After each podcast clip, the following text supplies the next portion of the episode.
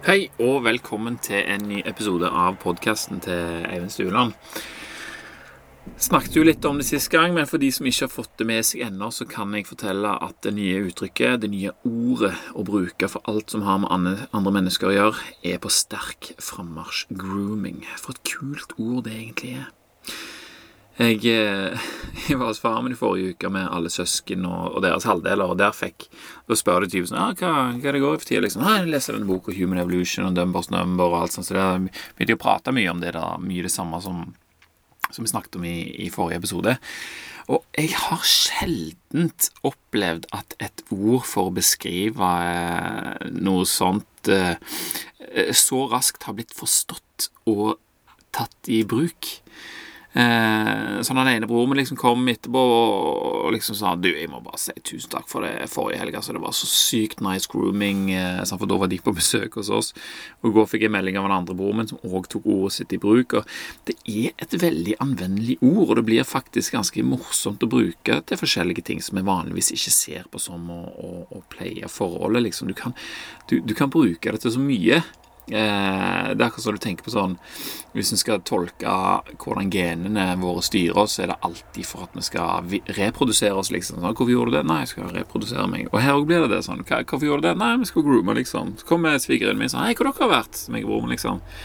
'Nei, vi var bare nede og fiska og grooma litt nærme sjøen'. Sant? Så og, og det, det, som er så kult, er at det, dette med grooming, det kan være så mangt for oss, for, for oss eh, mennesker. Eh, vi har så mange metoder for å oppnå denne her pleien av forhold på. Vi kan groome på alle mulige slags vis, og på en langt mer effektiv måte enn å plukke lus på hverandre én til én i timevis uten å si noe. Eh, jeg snakket jo litt om dette her eh, forrige gang òg, og nå skal vi snakke enda litt mer om det, for det, det er ganske kult. Vi skal også snakke om dette her om mentalisering og hva som For det er liksom det som gjør oss i stand til å kunne groome på alle mulige slags eh, måter. Det, det har med dette mentaliseringsgreiene å gjøre. Uh, men det kommer til. Sist gang så nevnte jeg jo at uh, sjimpansene oppnår en sånn endorfinrespons når de groomer, som, som gjør det liksom i stand til å forstå hverandre på et vis. Det er liksom det, er den der endorfinresponsen. Det er den vi trenger liksom for at vi skal, skal øh, ha følelsen av at vi gjør det. Men visste du at å, å kose liksom, og stryke noen lett på armen sant? Du vet jo hvor deilig det er når f.eks. kjæresten din stryker deg på undersida av armen. Åh, det er supernice. Og for inni kroppen så resulterer dette her altså til en sånn som det var beskrevet i den Human Evolution, at, at det blir en sånn mild opiat-type bedøvelseslignende følelse, så får du en mindre, eh, lavere, eller mindre evne til å føle smerte. Lett analgesi heter det. Noe nytt ord for meg, men nå er det kult å, å ta det i bruk òg. Og så oppnår du en sånn følelse av nytelse og ro. Og dette dette er endorfinresponsen på, på, det som skjer med kroppen, som, som gjør dette her. Og, og, når noen stryker deg, sant, så er det gjerne fordi at de vet at det er deilig for deg, og at de vil at du skal havne inn i det, den eh, tilstanden, fordi at de ønsker å ha dette her eh, forholdet med deg. sant? Og dette med endorfiner det henger veldig tett sammen med hvordan primater lever livene sine. Og det gjelder oss òg. Primater er veldig sosiale, og den tette sosiale forbindelsen gjør det mulig å opprettholde disse Eh, ja, opprettholde stabile grupper over tid. Da. Og Hovedgrunnen til at primater lever i grupper, eller de fleste sin grunn til at det lever i grupper og flokker, og sånt, det er at det blir lettere å beskytte seg fra rovdyr. Sant? Altså det, dette er en overlevelsesting.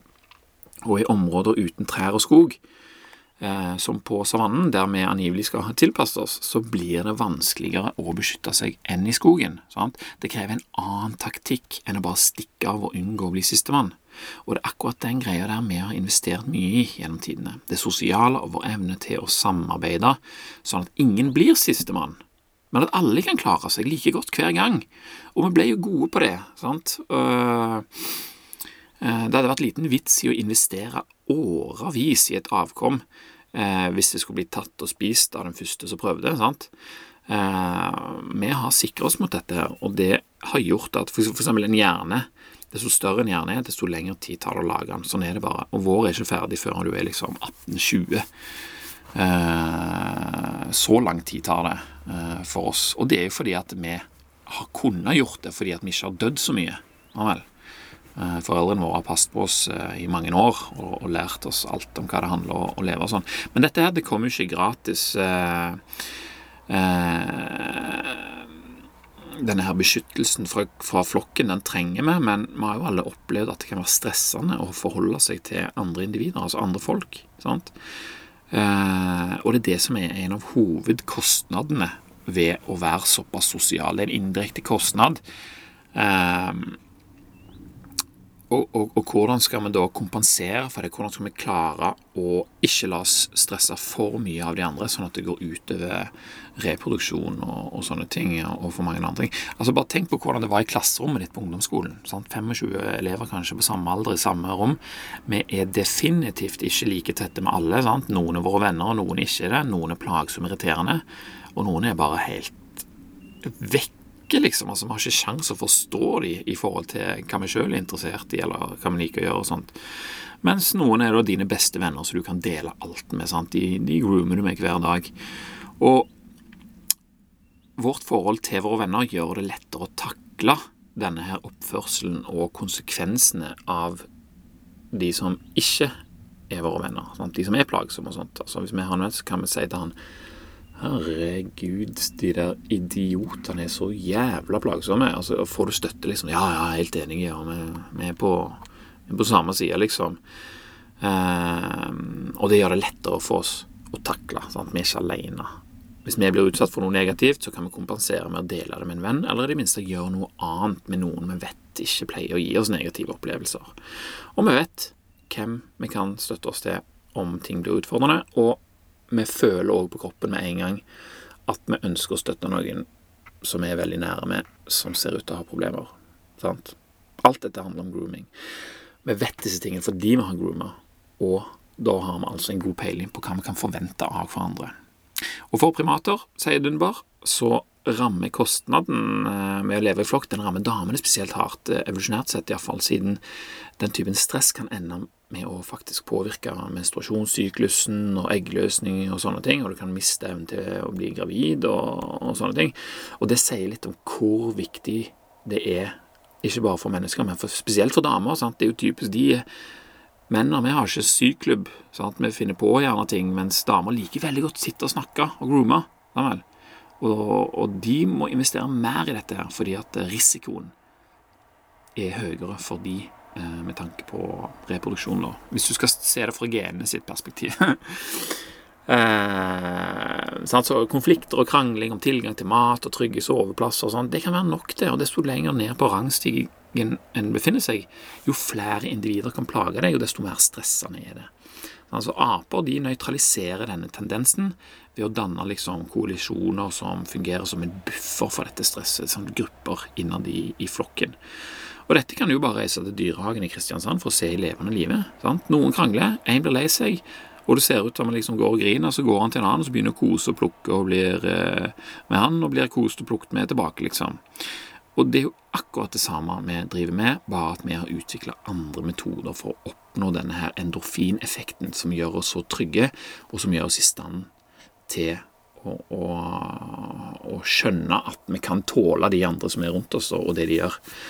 Eh, sånn, du kan jo bare se for deg at det må jo være mye verre å bli mobba hvis han er helt alene. Dessverre så er jo det ofte tilfellet, at de som er mobba, er ofte alene. Men hvis du har i alle fall en venn, eller en liten vennegjeng som du har grooma lenge nok med til at du kan stole på at de støtter deg og, og, tar seg av deg om det har skjedd noe, så er jo det mye bedre. Men uten at denne groomingen forekommer, så er det ikke like åpenbart hvem man skal søke til for støtte. Sant? Og uten noen motvekt for dette stresset som de andre påfører deg, så går det utover helsa. Eh, og samtidig så innebærer det en risiko, da, sant? og hvis du skal søke støtte hos noen som vi ikke har grooma med, for da kan vi ikke forutsi reaksjonen. sant? Plutselig så begynner de òg å liksom Kom deg vekk, liksom. sant?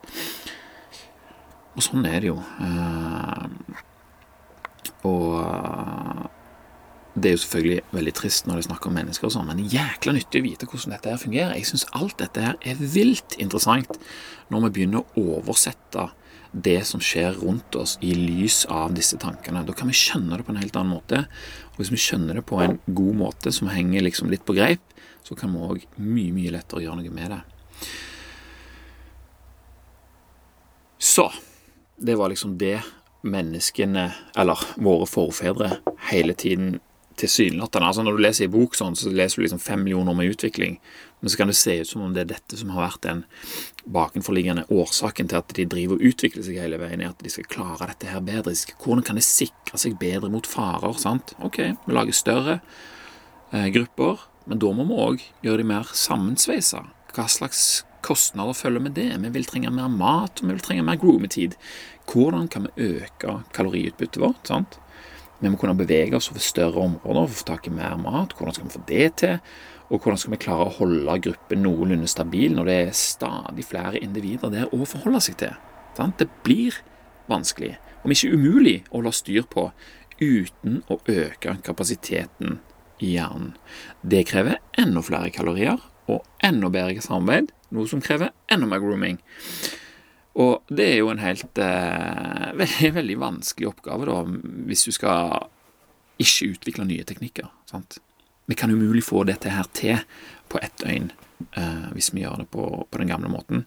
Og det er jo derfor vi ikke har fortsatt å gjort det på den måten der. Vi er et resultat av utfordringene som våre forfedre har møtt på fra naturen, som da evolusjonen nådeløst har finslipt for oss. Og nå kan vi sitte her i en leser fra en PC og snakke inn i en lydopptaker inni en bil som jeg bare fyller med diesel og kjører av gårde, liksom. Det er Det er Det er sånn vi har nådd så langt. Og jeg syns det er en av de mest fascinerende ting, eh, tingene å tenke på nå for tida, å lære om hvordan dette angivelig skal ha skjedd, både for oss som liksom eh, individer som går rundt og gjør ting, og for genene som er inni cellene våre, som på en måte styrer oppførselen vår. Da. det syns jeg er helt topp. Eh, og så kommer det et annet interessant spørsmål. Jeg nevnte litt forrige gang òg, eh, dette her med altså Hva for noen andre ting kan vi gjøre med hjernen vår når vi først har gjort den i stand til å forstå komplekse systemer og sammenhenger? Hva, hva, andre ting får vi til da når vi allikevel har den her? Sjimpanseflokker som lever i mer krevende områder, de øker i størrelse, fordi at det, da er det lettere for de å beskytte seg i dette mer krevende området. Og de får òg større hjerner relativt i forhold til de som ikke gjør det på den måten. Og de bruker mer tid på å bygge tettere bånd. Og på den måten så blir de òg sikrere på hvor de har de andre i gruppa, at de kan holde sammen og komme hverandre til unnsetning om det skulle bli nødvendig. For vi, eller de, baserer jo sine egne handlinger på forutsetninger som de lager for seg sjøl av hvordan de andre kommer til å reagere på ting eller uh, gjøre ting. da. Nå er jo ikke det helt på den samme måten som, uh, som uh, vi gjør det, fordi vi har et helt annet nivå av mentalisering. Det skal, det skal jeg komme tilbake til. Men i alle fall, større grupper, større hjerne. Og det er, som jeg nevnte også i forrige episode, en veldig solid sammenheng mellom hjernevolum og flokkstørrelse for primater, spesielt da frontal lobe så de kaller det pannelappene. Samtidig kan vi jo da se at både katter og skjærer som lever i større flokker, òg har større hjerner enn de som ikke gjør det. Og eh, de må ha det for å klare å holde orden på alt og alle. Samtidig så kan de samarbeide bedre om å skaffe mat og unngå å bli mat. Men flere individer betyr at de må ha mer mat, større hjerner betyr òg mer mat, og det betyr for vår del at det går mer tid på å bevege oss, sånn at vi dekker et større område, sånn at vi kan få tak i nok til alle hver eneste dag. Og hvordan får vi da dette budsjettet til å gå opp? Hvor er det vi har klart å være mer effektive og fått til mer på den samme tiden sjimpansene bruker på å dekke sine behov, som er mye mindre enn våre? Jo større ei gruppe er, desto mer tid går til grooming, men interessant nok, desto større gruppa er, jo færre individer groomer vi med. Vi blir enda bedre venner med vennene våre når det er flere andre der som kan ødelegge for oss. Altså vi, vi så de kaller det på engelsk, double down. Vi investerer mer i de som vi allerede er ganske gode venner med. Sånn at den lille klanen vår er enda mer sammensveist og pålitelig enn før. For da gjør han oss i stand til å stå enda sterkere sammen, og ikke minst tåle enda mer stress fra de andre plagsomme folka i gruppa. og denne tendensen den ser vi på tvers av arter òg. Det gjelder ikke bare gruppestørrelser. Eh, det gjelder òg om det er andre ting som opptar mer kapasitet. Altså ape, en apekatt som har fått en unge, befinner seg plutselig i en situasjon der de har mer å gjøre, og de har mer mat å skaffe, og de har en tendens til å trekke seg vekk fra eh, venner og bekjente for å intensivere grooming-tida si med de som virkelig betyr noe, da kanskje ungen sant, og nærmeste familien og, og sånt, liksom de er mer sånt. Og det kan vi vel kjenne oss igjen i. sånn Barselboble, ammetåke, permisjonstid tilbrakt ofte inne i huset, sant? iallfall hvis du får unge på, på vinteren og sånt, med et og annet besøk av nærmeste slekt, og så er det noen eh, venner eh, innimellom klesvask, bleier og armeinnlegg der, og så har du dette merkelige greiene med at vi skal groome med en gjeng med folk vi ikke kjenner, men som vi har den tingen til felles med at vi at de òg har fått unger, liksom, dette her eh, barselgruppegreiene. Det er veldig rar greie, egentlig, men de har i hvert fall den tingen til felles da, som gjør at de kan eh, groome på et ganske høyt nivå, for de forstår hverandre så godt. Og det er jo ikke alltid like lett å, å forstå situasjonen. altså en graviditet og en fødsel er jo altoppslukende for en dame, mens vi menn er bare sånn Hva Vi kan iallfall være sånn. Vi kan ikke forstå det like godt som ei annen dame som òg nettopp har født, liksom. sant? Uh, så Ja, altså Etter denne her permisjonstida så har jeg jo hørt om flere som syns det kan være veldig vanskelig å på en måte komme tilbake igjen. Eh, og det virker til å være de der overfladiske forholdene som det er vanskeligst å finne rytmen på igjen. Og en av grunnene til det kan jo være at vi rett og slett har mista kontakten når vi ikke groomer, og dermed så vet vi ikke lenger hva vi kan snakke om, og vi sliter med å finne på ting å si som gir en noenlunde forutsigbar respons. Samuel. Og hvis du har vært opptatt av en unge i ett år, og venninna di, din eh, liksom overfladiske venninne, har vært opptatt av noe helt annet i ett år, og så møtes dere Det er jo basically to forskjellige mennesker i forhold til hva dere var før. Så da må dette her groomes tilbake igjen, liksom, og må sette oss inn i hverandres situasjon og sånn. Og dette her handler jo om da mentalisering. Uh, og en av grunnene til at dette her er litt vanskelig, for oss mennesker, det er for det første at vi er veldig avhengig av språk. Vi har gjort oss veldig avhengig av språk, for det er en veldig praktisk måte å, å fikse ting på og ordne ting på. Men samtidig så er vi ikke særlig gode til å uttrykke følelsene våre gjennom språk. Og Derfor er det òg ganske vanskelig å bestemme hva som eh, utgjør et forhold av kvalitet og ikke for forskere. da. Eh, men en av grunnene som sto i denne boka, det var at dette her kan ha med at språket som eh, befinner seg i den venstre halvdelen av hjernen, er dårlig kobla opp mot følelsene våre, som da befinner seg i høyre halvdel. Sånn. Så dette her eh, Det her har jo damer bedre peiling på enn oss menn, da, fordi at de har et enda større behov for å groome enn oss, i og med at de har en høyere risiko. Um, eller de har kraftigere konsekvenser om det skulle gå virkelig galt, liksom. Men en grov metode å måle dette på likevel, det er å se på hvor mye tid som faktisk dedikeres til de forskjellige vennene våre ansikt til ansikt. Og studier som han Dunbar sjøl har uh, utført, og viser at andelen ansikt til ansikt-tid, det er det som er på en måte den uh, Selv om man ikke er veldig god, så er det den beste måten å Eh, få en indikasjon på hvor tette man føler seg eh, Eller hvor, hvor, hvor tette man føler at man, man er med hverandre. da. Og hvis man mister kontakten, så blir båndet mellom oss svakere. Samuel. Bare tenk sånn de du har gått på skolen med, f.eks slutter på skolen og begynner på en annen, eller får deg en jobb, så er det ikke like tett, liksom. Men interessant nok så gjaldt ikke dette her for slekt. Slekt er veldig viktig for oss mennesker, og det er, det masse snakk om i den boka, men skal ikke snakke om det. Dette her får bare være en teaser, sånn at du ender opp med å bestille boka og kjøpe den sjøl. Vi kan gå lange tider uten kontakt med slekta vår, men likevel føle den samme kontakten vi har med mennesker som vi ser hver dag. Mennesker som vi ser hver dag, de groomer vi med. Sant? Men slekta vår er det akkurat som det er akkurat som de har på en måte en slags sånn førstepri på de der innerste lagene i eh, den Dumbers Number-greiene som jeg snakket om sist gang. 5, 15, 50, 150 folk. sant? Den innerste sirkelen der, det er liksom slekta hører til der. Og det er jo veldig viktig for eh, mennesker å vite hvem som er i slekt eh, opp gjennom tidene, blant annet fordi at eh, innavl er jo noe en, en vil unngå. sant? Det ligger i DNA-et vårt.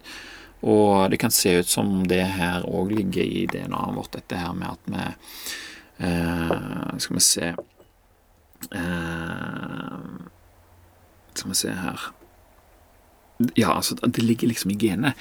Og det som er forskjellen da på folk vi er i slekt med og ikke i slekt med, er at det er, en, det er en forskjell på å være tette faktisk være fysisk tette, og det å føle oss tette. Å være tette krever at vi fysisk er mye med hverandre og groomer, men å føle oss tette med noen vi er i slekt med, krever ikke mer enn at vi forstår inni hovene våre at vi er i slekt, og at vi får en følelse av at det i seg selv er viktig nok til at det trumfer den der fysiske biten. Vi trenger ikke å vedlikeholde den med den fysiske biten fordi vi vet vi er i slekt. Altså Så viktig har det vært opp gjennom evolusjonen at, at dette her sitter i oss, liksom, og det ser jeg. Sønnen min og søskenbarnet de er vidt forskjellige, men de er der med en gang de ser hverandre, om det er gått ett år eller et halvt år, eller det spiller ingen rolle, de er mye bedre venner enn nabogutten som er der hver dag, liksom. Og vi kan stole på slekta vår basert på den ideen om at vi er viktigere for hverandre enn hva vanlige venner er for hverandre. Sånn blod tjukkere enn vann, det gamle ordtaket der.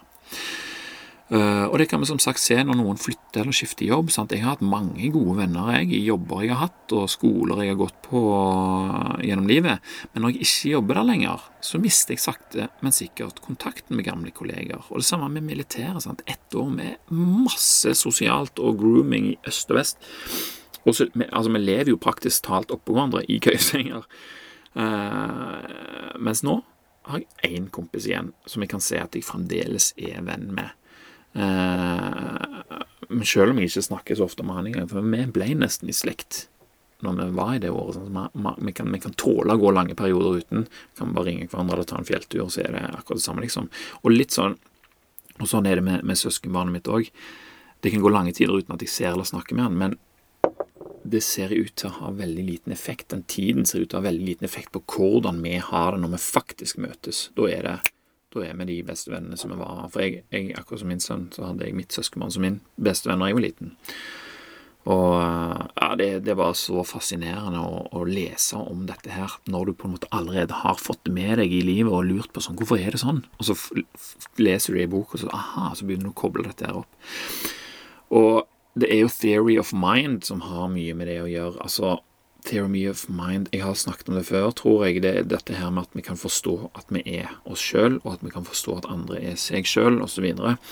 Eh, følelsen vi har av å forstå hva det vil si å ha et sinn. Og det fins flere grader av dette her, og det kalles på engelsk i hvert fall for mentalizing. Så jeg kaller det for mentalisering. Jeg har sett at det kalles det òg på norsk. Eh, men da var det mer snakk om psykologi og sånn, så jeg vet ikke om det er akkurat det samme. Men jeg kommer til å kalle det for mentalisering nå, i hvert fall. Men det handler om theory of mind. Og dette her med, med hvordan, eh, hvordan, vi oppfatter oss sjøl og andre. Og, og, det er flere grader av det. Første grad innebærer at vi forstår at vi har et sinn. Sant? Og det er jo der de fleste er på jorda. Mens andre grad er at vi forstår at andre har et sinn som òg virker som vårt eget, men allikevel ikke, på en måte. Eh, men vi, vi, skjønner at vi kan forutse eh, hva de andre kan tenke, da, basert på hva vi sjøl tenker. Sant? Konsept som å tro og anta, forestille seg, ville ha noe, forstå noe, tenke og ønske, det er det, det, dette her mentalisering handler om, og det er det som gjør oss i stand til å groome på et helt annet nivå enn de som bare har førstegradsmentalisering. Førstegradsmentalisering kan være 'jeg syns dette er gøy'. Sant? Ingen tanke om hva noe, noen andre har tanker om. Andregrads kan være at eh, jeg tror at du syns dette er gøy. Tredjegrad kan være at jeg ser for meg at du ser for deg at noen andre syns at dette er gøy. Og så har du femte grad av fjerde òg, men femte grad det er liksom det høyeste, omtrent. Det oppnår mennesker i løpet av tenårene. Og da kan, jeg, da kan de rett og slett takle utsagn som jeg tror at du ønsker at Per skal tenke at Jan forestiller seg at Laura mener noe. Da er det oppe i fem. Og det er dette som er så heavy å holde styr på for hjernen vår. Det var jo lett med den setningen der, men hvis du skal se inn i flokken, og så ser du noe som skjer, så skal du se for deg hva alle disse folka her tenker om den saken, og hvordan de kommer til å reagere, og så skal du sjøl velge å reagere basert på det du nettopp har forstått, ved å se på Ved å liksom skjønne disse her andre her. Og og uh, denne her theory of mind og evnen til mentalisering den kan vi måle direkte ut fra størrelsen på pannelappene, der vi har den største fordelen over alle andre arter på jordkloden. Vi kan dra det til femte og noen ganger til sjette grad av mentalisering, sånn praktisk uten at vi prøver, liksom. Mens alle andre, unntatt orangutanger og sjimpanser, og kanskje noen til, som sies at de kan oppnå en slags andregrads mentalisering. Alle de andre de sitter fast i førstegrads, der de ikke kan forstå så mye av andres eh, intensjoner. De kan fremdeles bevege seg og gjøre ting i forhold til hva andre folk, eller andre dyr gjør, men det er noe helt annet å reagere på hva andre gjør instinktivt, som vi ser at fugler og andre dyr gjør, når de f.eks. beveger seg i forhold til hverandre, enn å mentalt sette seg inn i hva de forstår. Sant? For instinktivt så er det liksom OK, noe skjer, automatisk reaksjon. Mens her er det sånn Noe skjer, og jeg kan tenke meg til hva den reaksjonen bør være, eller hva som er fordelaktig, eller hvordan jeg skal oppføre meg i forhold til dette her. Så sjimpanser og, og uh, urang-utang, som det heter på indonesisk, mann i skogen, de er i grenseland når det kommer til hvor de befinner seg mellom første og andre grads mentalisering. Uh, mennesker vi er ikke født med evnen til å forstå femte grads mentalisering. Vi er jo helt blank når vi blir født, men det går ganske fort uh, på fram. En femåring knuser både sjimpanser og orangutanger i andregrads mentaliseringstester, mens en fireåring som på en måte akkurat har begynt å få dreisen på det der, han kan sammenlignes med evnen til en sjimpanse og en, en eh, orangutang. Så det er ganske vi har dratt det ganske mye lenger enn alle disse andre. Og det, det, nå er det jo ikke det at vi gikk rett fra sjimpanser til de andre. Det, vi har jo hatt folk med både andre, tredje og fjerde grads mentalisering springende rundt på jordkloden før, men de har bare daua. Det, det, er bare oss igjen. Og det skal jeg lage en episode om når det kommer til neandertalerne. Og det var dritkult. Men uansett, tilbake til hvordan vi ble så effektive. da. Hvordan fikk vi tid til å bevege oss over store områder? Hvordan fikk vi nok kalorier? Hvordan klarte vi å groome de andre i gruppa vår? Eh, og fremdeles få nok hvile. sant? Når det kommer til bevegelse, så utvikla vi jo en veldig stor fordel i det vi begynte å gå på to bein. Eh, og det gjorde vi jo når, når vi, vi, trengte å bevege oss mer og vi ikke hadde så mye trær. For sjimpanser er det litt mindre effektivt å gå på to bein enn på fire. Men det er jo pga. anatomien deres og hva de bruker kroppene sine til til vanlig sant, klatring. Vi kan ikke klatre så effektivt som de. Det er jo bare, det er bare sånn det, det, det er. Ikke, det er ikke noe annet, det er ikke feil lag, for å si det sånn. Men for oss mennesker og våre forfedre da, som utvikla et mer sånn elastisk muskelsystem som konserverer energien fra ett skritt for så å levere det videre til det neste, så er dette langt mindre krevende å bevege seg, og det er mulig å komme mye lenger med den samme mengden eh, energi. Altså, vi kunne jogge som kan ses litt på som om vi, vi rett og slett spretter av gårde sant? på akillesen vår. Den kraftigste strikken i hele kroppen, og alle de andre strikkene. Men jeg vet jo at det, det, det, føles ikke alltid ut som vi spretter av gårde når vi er på joggetur, men eh, du kunne jo bare prøvd å gjort det samme som en sjimpanse, så ville du sett hvor lett det egentlig er. Eh, spesielt hvis du bruker rett teknikk, da, og flate sko og løpe for foten og sånne ting som som eh, er den på en måte ja, opprinnelige anatomiske, effektive metoden å løpe på for mennesker. Hvis du ikke har, du ikke har lest Born to Run, så må du gjøre det, altså. Men uansett, beina våre de begynte også å bli lengre. sant? Sjimpansene har sånn knekk, knekk, i knærne. De klarer ikke å strekke ut beina helt. Vi kunne strekke det helt ut. De ble lengre. De ga oss lengre skritt. Og, kunne, og større avstand tilbakelagt for hvert eneste skritt vi tok. Du klarte å komme oss lenger på mindre energi. Samtidig det er noen regn her. Samtidig så vil det å bevege seg på to bein kun eksponere et lite område av kroppen for den sterke sola som var i det området som vi utvikla oss i, som var da i, i Øst-Afrika der. En, en, lang, horisontal kropp som en antilope eller løve absorberer veldig mye varme. Hva er det?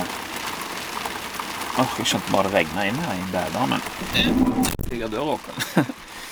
Eh, en lang horisontal kropp, ja, som en antilope eller løve, de, det er jo mye sol som treffer kroppen deres, for de er lange. sant? Mens på oss mennesker, og i Afrika, da, så er jo sola sånn rett over omtrent. Der er det bare hode og skuldre som blir truffet av sola. Det er jo mye mindre. Og I tillegg så kvitter vi oss med pels og begynte å svette, som gjør at vi kan avkjøle oss mens vi beveger oss. I tillegg så hadde denne her løpestilen den, eh, den gjorde at vi kunne puste mye mer underveis, som er vanskelig for andre dyr, som typisk må stoppe og hente seg inn igjen fordi at de puster i takt med hvordan de beveger seg. Sant? For eksempel en, en antilope som galopperer for hvert skritt. Sant? Skritt, pust, skritt, pust. Inn, ut, inn, ut. Mens et menneske kan gjøre sånn Sant? Vi kunne puste mye mer, og vi trengte ikke å regulere farten etter hvor eh, mye oksygen vi hadde. Vi kunne øke oksygeninntaket og øke farten på en, måte, på en helt annen måte enn de kunne, siden vi beveger oss på, på denne her måten. da. Eh, så da kunne vi altså kjøle oss av, vi kunne øke kapasiteten vår med å puste mer, og på denne måten så kunne vi, hvis det var nødvendig, utnytte den varmeste delen av dagen. Det er jo ikke alltid vi gjorde det. Vi vet jo det at i sørlige land så har de ofte gjester midt på dagen, men vi kunne iallfall gjøre det bedre enn de fleste andre som da ble for varme til å både jage oss og til å løpe fra oss. Og når vi etter hvert som vi beveger oss fra Australopithecus til Homo erectus, får dreisen på både jakt og skaffe oss akvatiske kalorier, fisk og krokodiller og skilpadder, om å kunne lage mat, koke med ild og bål, da er det meste på plass. Veldig, veldig forenkla, selvfølgelig, for å fòre den store hjernen vår, som da har gått fra å kreve ca. 9 av kaloriinntaket til rundt 20. Og eh, vi effektiviserte dette her over noen millioner år. Og det var jo typisk da vanskelige perioder, eh, klimamessig kanskje, som gjorde at eh, de med best forutsetninger og best kreativitet overlevde og fikk videreføre sine store hjerner, sine eksepsjonelle sin eksepsjonell evne til å samarbeide, og det effektive fordøyelsessystemet som kunne fordøye næringsrik mat som kjøtt, sjømat og rotfrukter, som òg var en veldig veldig viktig del av hvordan vi har kommet der med. Og etter det som jeg har blitt eh, etter det, den maten der, kjøtt, sjømat, rotfrukter og sånn, hvis det kan i tillegg forhåndsbehandles av enten varme, banking eller forråtnelse, så er mye gjort, og det blir lett for oss å ta opp den energien i den næringsrike maten. Og mye av dette her, nesten alt, var det Homo erectus som fikk eh, på plass for oss. Den levde jo i eh, omtrent 1,5 millioner år, og det er ekstremt lenge. Så det sier litt om hvor tilpasningsdyktig han var. Han utviklet seg jo lite grann, men det var veldig sånn ikke mye i forhold til at han levde så lenge nå. Og jeg sier det bare en gang til. Dette her er superforenkla, en bitte liten tidsspare, og som vanlig så er det jo aller best om du bare blir litt nysgjerrig av dette her og ender med å bestille denne boka sjøl og lese den. Og eh, når det er sagt, kan jeg òg si at den var overraskende lettlest og interessant, og mm, det er som jeg har blitt litt, glad i Dunbar på grunn av måten han forklarer og viser meg hva han mener har skjedd. Eh, og det er som han virkelig vil vise oss hva han vet og hva han har funnet ut, hvorfor det er viktig, samtidig som han leker med andre teorier og forklarer da respektfullt hva som kan være galt med de, og hvorfor det ikke stemmer helt, og, og sånt. Så, så, det var liksom maten og bevegelsen, sant. Uh, det måtte vi øke kapasiteten vår. Og så var det det sosiale igjen. Da, sånn, hva kan vi gjøre med denne mentaliseringen som gjør det mulig å sette oss inn i hva andre mennesker tenker, og hva de kommer til å gjøre? Å plukke lus tar tid, og det må gjøres én til én, men det frigjør endorfiner. Endorfiner gjør at vi samkjøres og knytter bånd. Det holder grupper sammen og bufrer stresset det innebærer å leve i grupper. Fint. Vi lever i større grupper, enda større behov for groomer for å holde han stabil. Vi har allerede spart tid på mat og bevegelse. Nå må vi finne ut hvordan vi kan komme oss under 20% av den totale tiden vår til grooming. Noe som ser ut til å være den øvre grensen for hvor mye tid det er mulig å bruke på dette, her, uten at de vet helt hvorfor annet enn at eh, det står i den boka at det er ingen som gjør det. Det er ingen som bruker mer enn 20 uh, eh, Så å komme oss unna det eh, ser ut til å være en regel.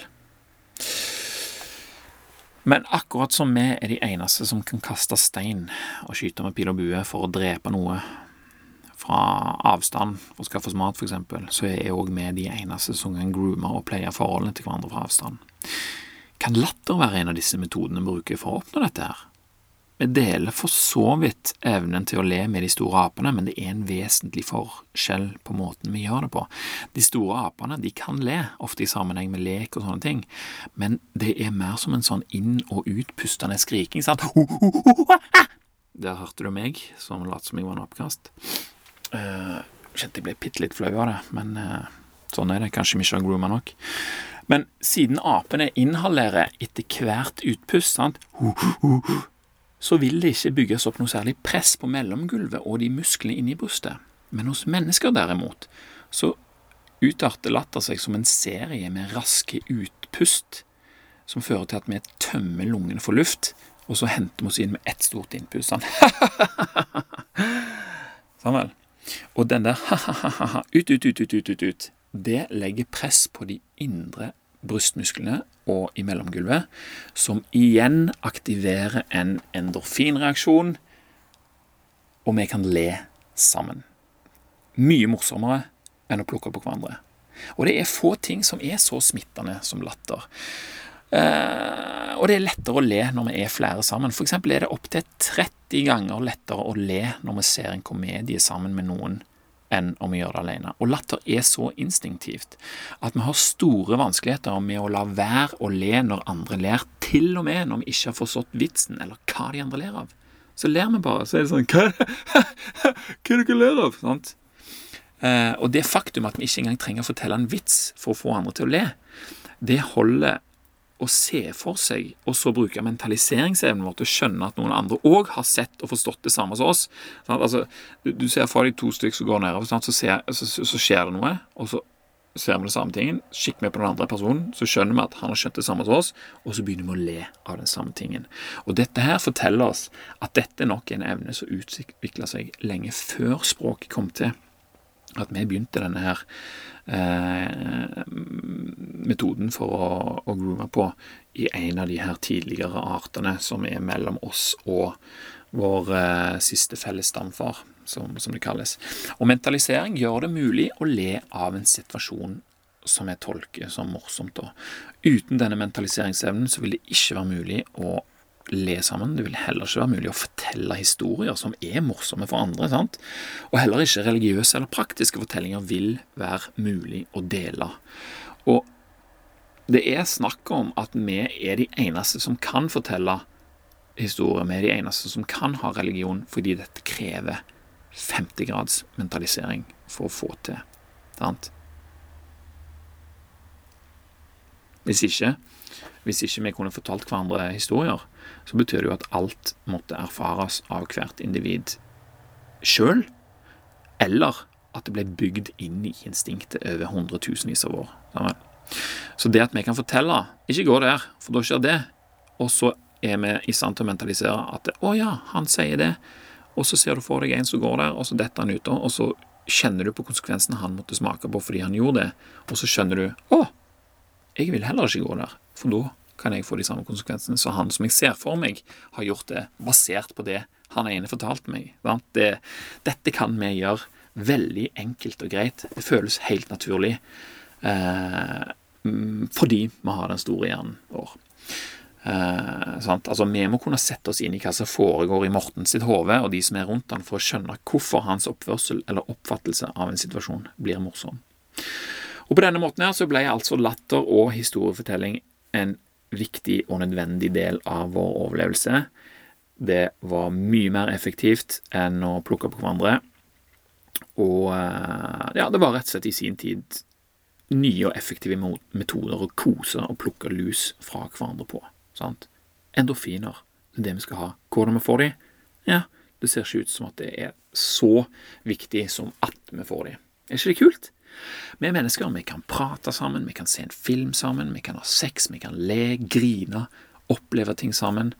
Eh, prøve å forstå hverandre, som gjør at vi føler oss tettere med de som betyr noe for oss. Og idet vi gjør det, så tåler vi påkjenninger fra samfunnet mye bedre, og det er det som gjør oss i stand til å kunne leve sånn som vi gjør. Kjempekult. Så nå kan du òg benytte deg av det hippeste nye ordet vi bruker for å beskrive hva vi driver med. Desto mer vi groomer, jo tryggere er vi på hvor vi har hverandre. Og når vi er sosiale med noen vi bryr oss om, så kan det hende at vi ler. Vi forteller hverandre ting, vi deler opplevelser. Alt dette frigjør endorfiner og ender opp med å føre til at vi kjenner hverandre bedre. Vi bekrefter at vi får hverandre innenfor en viss indre sirkel, som betyr at vi er viktige for hverandre. Så nå har jeg vært på jobb ei helg, og jeg sitter som vanlig i camperen og leser inn denne episoden som jeg har lagd mens jeg var på jobb. Mm, og nå gleder jeg meg til å komme hjem for å groome med kona mi og ungene mine, de som er i min aller innerste sirkel av mennesker som betyr noe for meg, og det gleder jeg meg til. Og så håper jeg at du òg får gjort noe alvorlig god grooming eh, framover, og at du kanskje tenker litt på hva det innebærer, og, og hvor viktig det faktisk er å groome ansikt til ansikt med de som er viktige for oss. Sant? Det er lett å tenke at å sende en melding eller en snap eller whatever, at det skal liksom dekke det behovet, men det gjør det ikke. For vi kan ikke se eh, Vi kan ikke se eller oppleve ansiktsuttrykkene våre, hvordan vi beveger hendene, øynene våre, og det er så mange ting som eh, eh, som er inkludert i denne her grooming-greia, her, som har noe å si eh, for kvaliteten på groomingen. Sant? Og uh, hvis vi da, som vi snakket om forrige gang, det er så lett å bare forkaste noe gammelt drit, for vi ser dette er jo mye enklere, men som regel så vil det si at den enklere tingen ikke inneholder det fulle spekteret av den originale metoden å gjøre det på. Så tenk litt på det, og så tar du kontakt med noen som du ønsker å ha tettere kontakt med, for nå skjønner du at du er nødt for å groome med dem for å ha den kontakten som du ønsker, og for at de skal forstå deg sånn som du vil, at du skal forstå de sånn som du vil. Og med det så sier jeg tusen takk for meg, og tusen takk til deg som hørte på, og så snakkes vi neste gang.